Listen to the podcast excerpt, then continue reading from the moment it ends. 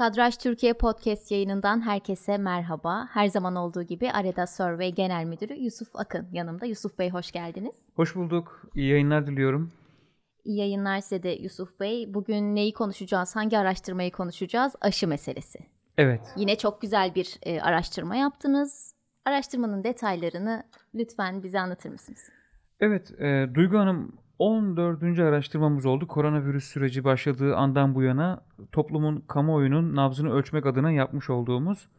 Bu sefer yine sosyometre e, çalışmamız içerisinde, sosyometre Kasım raporu içerisinde bir kısmı da biz e, aşı ve aşı ile ilgili vatandaşın kamuoyunun ne düşündüğüne yönelik bir kısım olarak e, ele aldık.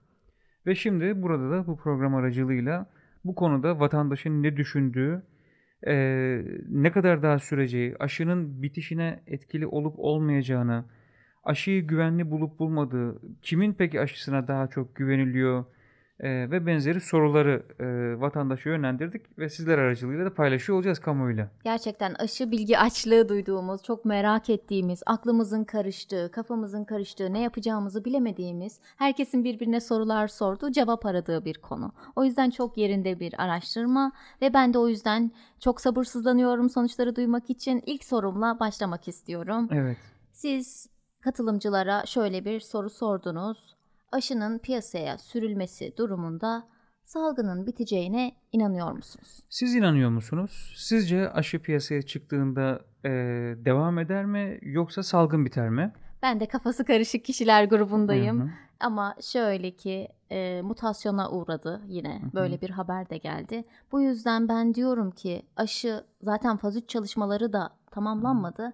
Ben biraz böyle çekimser kalıyorum bu süreçte. Diyorum ki hani bitmeyebilir. Ama hayıra yakın sanki hayıra çekimserlik var gibi evet. gözüküyor. Ee, kamuoyunun %58.4'ü de sizinle aynı, aynı fikirde. Yani %58.4 der ki aşı bulunsa bile salgının biteceğini düşünmüyorum ben. Ee, bu kanaatteyim. %41.6 ise aşının bulunmasıyla salgının biteceği yönünde görüşünü beyan ediyor. Ee, biz bunu bu çalışmayı bu arada bunu da atlamamış olalım e, künyesiyle de paylaşarak 3-7 Aralık tarihleri arasında 2360 kişiye sorarak bu cevapları aldık. Burada peki bu e, hayır diyenlerin daha çok kimler olduğunu e, sorduğumuzda baktığımızda burada gençlerin 18-24 yaş arasındaki grubun e, %67.2 oranında e, bence aşıyla birlikte salgın bitmeyecek görüşünü beyan ettiklerini görüyoruz.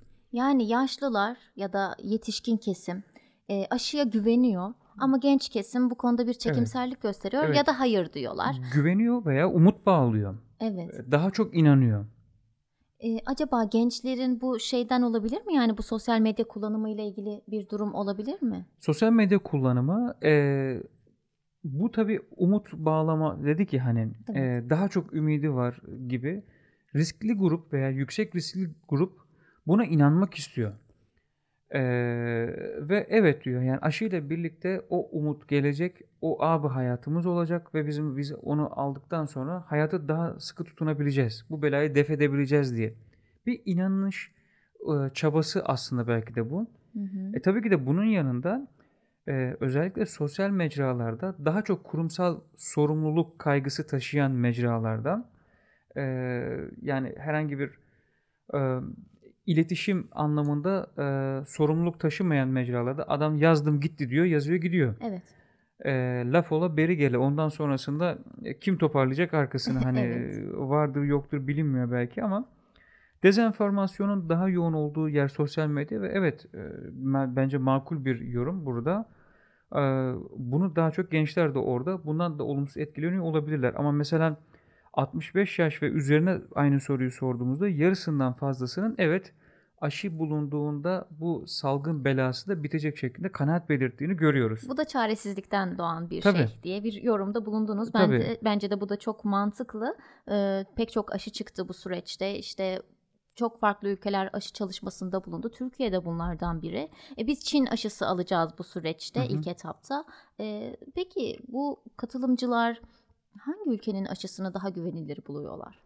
Evet, eee, şöyle hemen bununla alakalı bir eee, veriyi paylaşmadan önce bu arada az önceki veride de eee, aşı bulunduğunda salgın biter deme oranında evet diyenlerin oranı erkeklerde daha fazla. Hmm. %2.8 oranıyla e, hanımefendilere göre daha bir tık daha iyimserler beyefendiler. Kadınlar her zamanki gibi yine şüpheci. Evet, yine şey. şüpheyle, septik Aynen. yaklaşıyorlar duruma. Şöyle e, hangi ülkenin aşısına daha fazla güveniyorlar derken ilk başta %52.3 Türkiye aşısına Türkiye'nin üreteceği aşıya ben en Yerli fazla aşı. güveniyorum diyor. Yerli Evet. aşıyı belirtiyor. Daha sonrasında Almanya ve sonrasında ise Çin geliyor. Çin takip ediyor bunları. Daha bir farklı soru olarak e, Covid aşısını güvenli buluyor musunuz diye sorduğumuzdaysa Hı hı. mesela diğer bir soruda Evet. E, testleri geçmiş tüm aşıları güvenli buluyorum diyen oranı %41.7. Yalnızca Türkiye'nin üreteceği aşıya güvenirim diyen oranı %32.2. Covid ile ilgili hiçbir aşıya güvenmiyorum diyen oranı ise %26.1.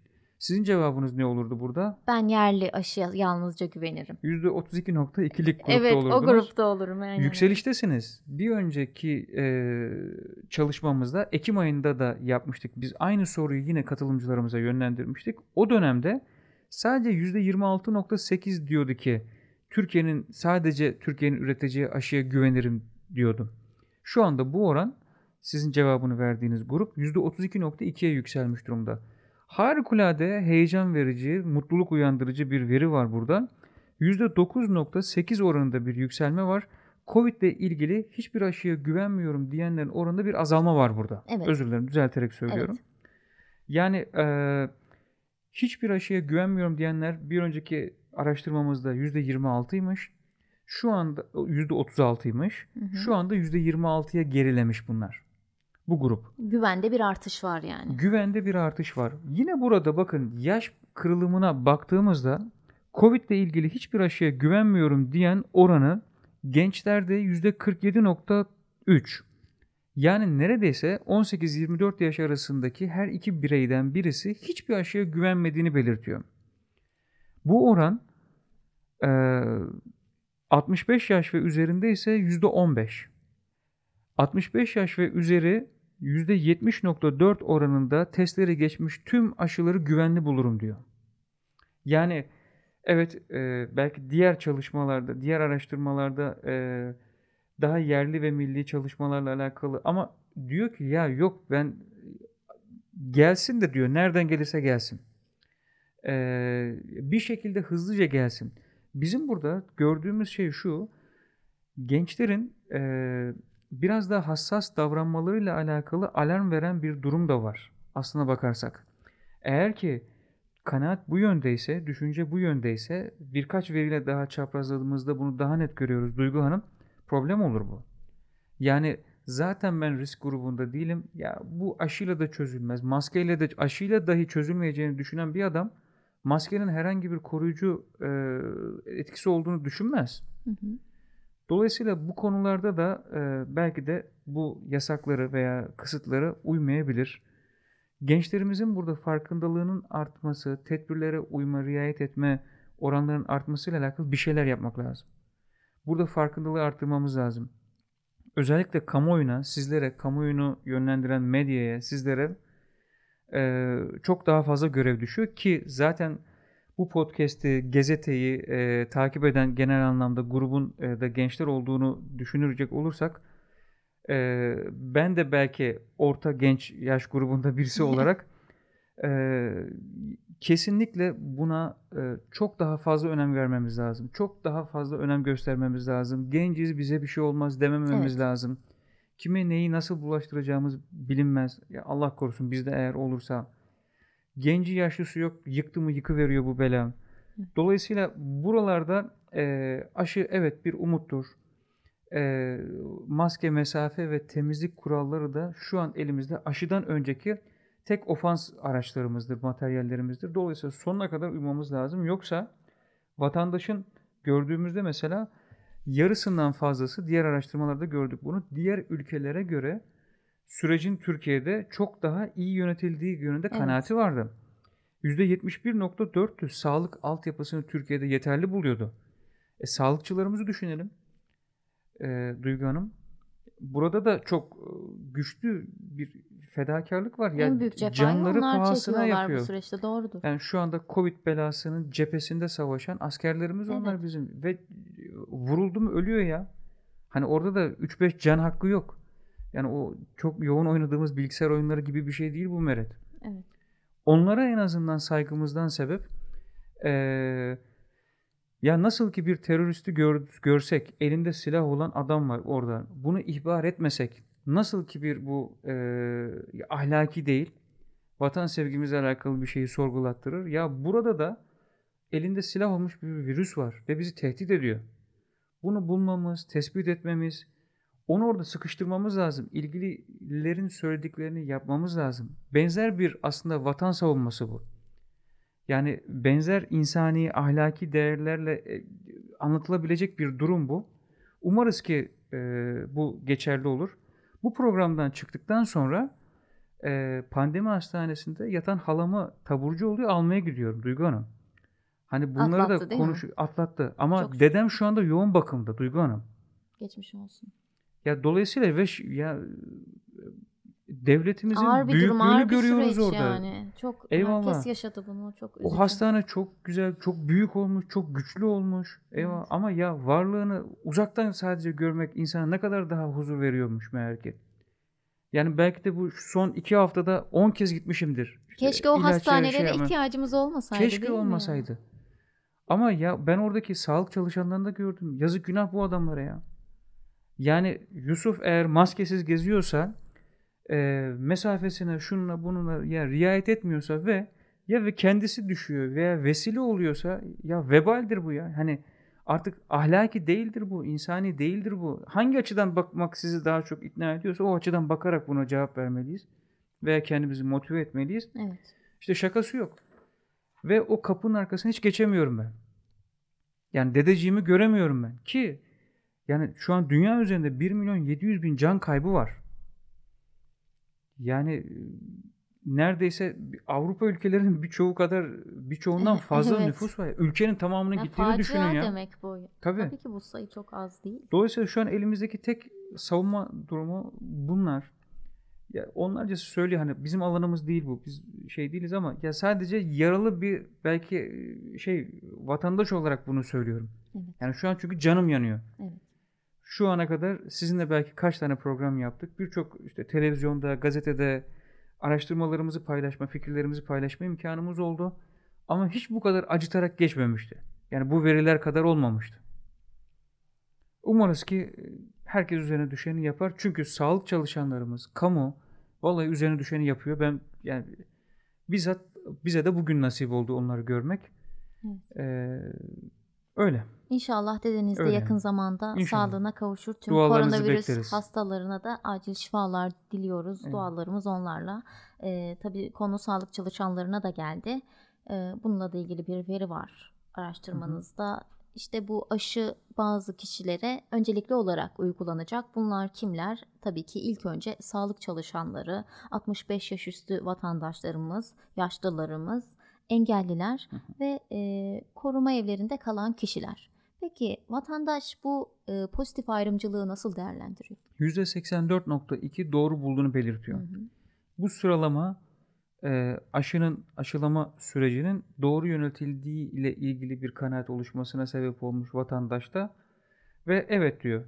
E, ya çünkü mesela diğer yaptığımız araştırmalarda %78 oranında sağlık çalışanlarıyla alakalı ne düşünüyorsunuz dediğimizde özveriyle çalışıyorlar, minnettarız şeklinde bir sonuç almıştık. Evet. Benzer şekilde yaşlılarla ilgili hatırlarsanız ilk başta bu 65 yaş ve üzerine sokağa çıkma yasağı ilan edildiğinde eee, bir yaşlı amcamıza bir nezaketsizlik yapılmıştı. Evet, evet. Unutmak Ee, mümkün değil onu. Daha sonrasında toplum nasıl tepki vermişti? Vefa gruplarındaki meseleyi hatırlıyoruz mu? Ya milyonlarca kişi emekli maaşları eve götürüldü. İşte bütün ihtiyaçları ki bu kurumsal olarak e, oluşturulmuş organizasyonların yanında ya Türkiye'de bu Anadolu coğrafyasında doğal organizasyonlardır. Birinin bir şeye herhangi bir şeye ihtiyacı olduğunda kavga ben alacağım, hayır tamam ben alacağım sen geçden sebep olur. Yani 18 yaşından sonra oğlunu, evladını dahi e, tamam artık sen bir bireysin bak işine diyen bir coğrafya değil ki burası.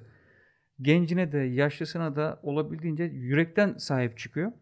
Burada da bu öncelemeye sağlık çalışanları ki fedakarlığını daha önceki verilerde onaylandığını görmüştük. Aynı şekilde yaşlılara da e, %97 oranında e, sokağa çıkan o yaşlı amcamıza yapılan hareketin olumsuzlandığını görmüştük Evet hatırlıyorum. vatandaşımızca. Sizle de paylaştığımızı Evet. hatırlıyorum yine bir podcast'imizde. Dolayısıyla bu sürecin bu şekilde yapılması da doğru buluyorum diyor. Evet öncelikle onlar aşılanmalı. Daha sonrasında bize doğru mevzu ilerlemeli diyor. %84.2. Peki son olarak size bir sorum var kişisel. Buyurun. Siz aşı yaptıracak mısınız? Kesinlikle evet. Yaptıracaksınız. Kesinlikle evet. Yani e, gönüllülerinden falan da keşke olsaydım diye ben o süreci takip edemedim. E, keşke gidip yazılsaydım, olsaydım. Çok hareketliyiz. İş hayatında çok hareketliyiz. Evet görüyorum. Yakından tanık oluyorum. olabildiğince güvenli e, yani denilene uyuyorum. Evet. Yani şey bu kuraldır. Yani bu sorun şeydir. e, yapmamak çok vicdansızca bir şey ya. Evet, ben bunu. mesela podcast'a başlarken maskemi çıkarıyorum. Yusuf Bey siz hiç hiçbir programda hep maskenizle e, burada gerçekten bir an bile maskenizi böyle hani aman bunaldım nefes alacağım deyip hani ben konuşmamı engeller diye çıkarttım Tabii ama tabii. yani e, siz gerçekten koronavirüs sürecinde sürekli olarak maskeli gördüm ben sizi yani Evet hiç ve dolayısıyla işte burada şunu da yapabilirsek ya bizim e, ellerinizden öper bir yeğeniniz var. Allah Küçücük bağışlasın. evladımız var. Ya eşimiz var, ailemiz var, bizi sevenler var, Evet. bizim sevdiklerimiz Evet. var. Ya bunlara karşı çok asil, çok çok ya büyük bir sorumluluğumuz var. Kesinlikle. Bu yani savaşa e, eski dönem olduğunu düşünelim bu dönemin. Savaşmak zorunda olan birisinin e, miğfersiz, e, bu kılıçsız, kalkansız savaşa çıktığını düşünün. Ya bu ölecek kesin ölecek bu. Ya bunlar bizim şu anki savaş malzemelerimiz. Bu virüs belasıyla savaşırken yapacak bir şey yok. Başka donanımımız yok. Tüm teçhizatımızı donanıp Evet, yapacak bir şey yok. evet. Elimizde bunlar var. Bizim Aynen öyle. silahlarımız da bunlar oldu bu dönemde. düşman hattını yarmaya çalışıyoruz. evet. Şimdilik de biz e, araştırmanın sonuna geldik. Peki Süremizi de siz tamamladık. olmayı düşünüyor musunuz? Yani ben e, bilmiyorum. Benim aklım çok karışık. Biraz güven problemi yaşıyorum Hmm. bununla ilgili. Ben yerli aşıyı beklerim. Hmm. Yerli aşı. Ben yerli aşıya güveniyorum. Yani Çin aşısına bilmiyorum. Biraz çekimser kalıyorum bu konuda. Evet. Yerli aşıyı bekleyeceğim. e, karar vericilerin genel anlamda e, uzmanların e, bu alanda uzman olan kişilerin söylediklerine ben inanıyorum. Evet ya tabii Onların ki. e, siz inanmıyorsunuz gibi falan bir şey demiyorum tabii ama Yani öyle e, öyle gibi oldu. on, evet e, onların bizim iyiliğimizi düşündüğü kanaatindeyim Evet. ve hani onlar kötü bir şey olsa tahminen bu riski göze almazlar. Tabii ki öyle ama Ve e, ya adamlar diyor ki ya şu anda yapabileceğimizin en iyisi bu. Ve işte bir an evvel yapmalıyız. Gerçi Nisan gibi herhalde yerli aşı da gelecek. Hı hı. Ya o süre zarfında belki- işte evet. kendimi işte koruyorum. Çok dışarı çıkmıyorum. Zaten evden çalışıyorum. Hani e, sürekli de evdeyim. Bu süre zarfında böylece hani kendimi koruyup yerleşte gelince öyle düşünüyorum. Bir de diyorum ki şöyle önden birileri olsun da bir bakalım ne oluyor gibi. Böyle bu şekilde şimdi araştırmamızın da sonuna gelmiş bulunuyoruz. Yusuf Bey ağzınıza sağlık. Gerçekten güzel veriler paylaştınız bizimle. Umarız ki bu belayı da kısa sürede atlatırız.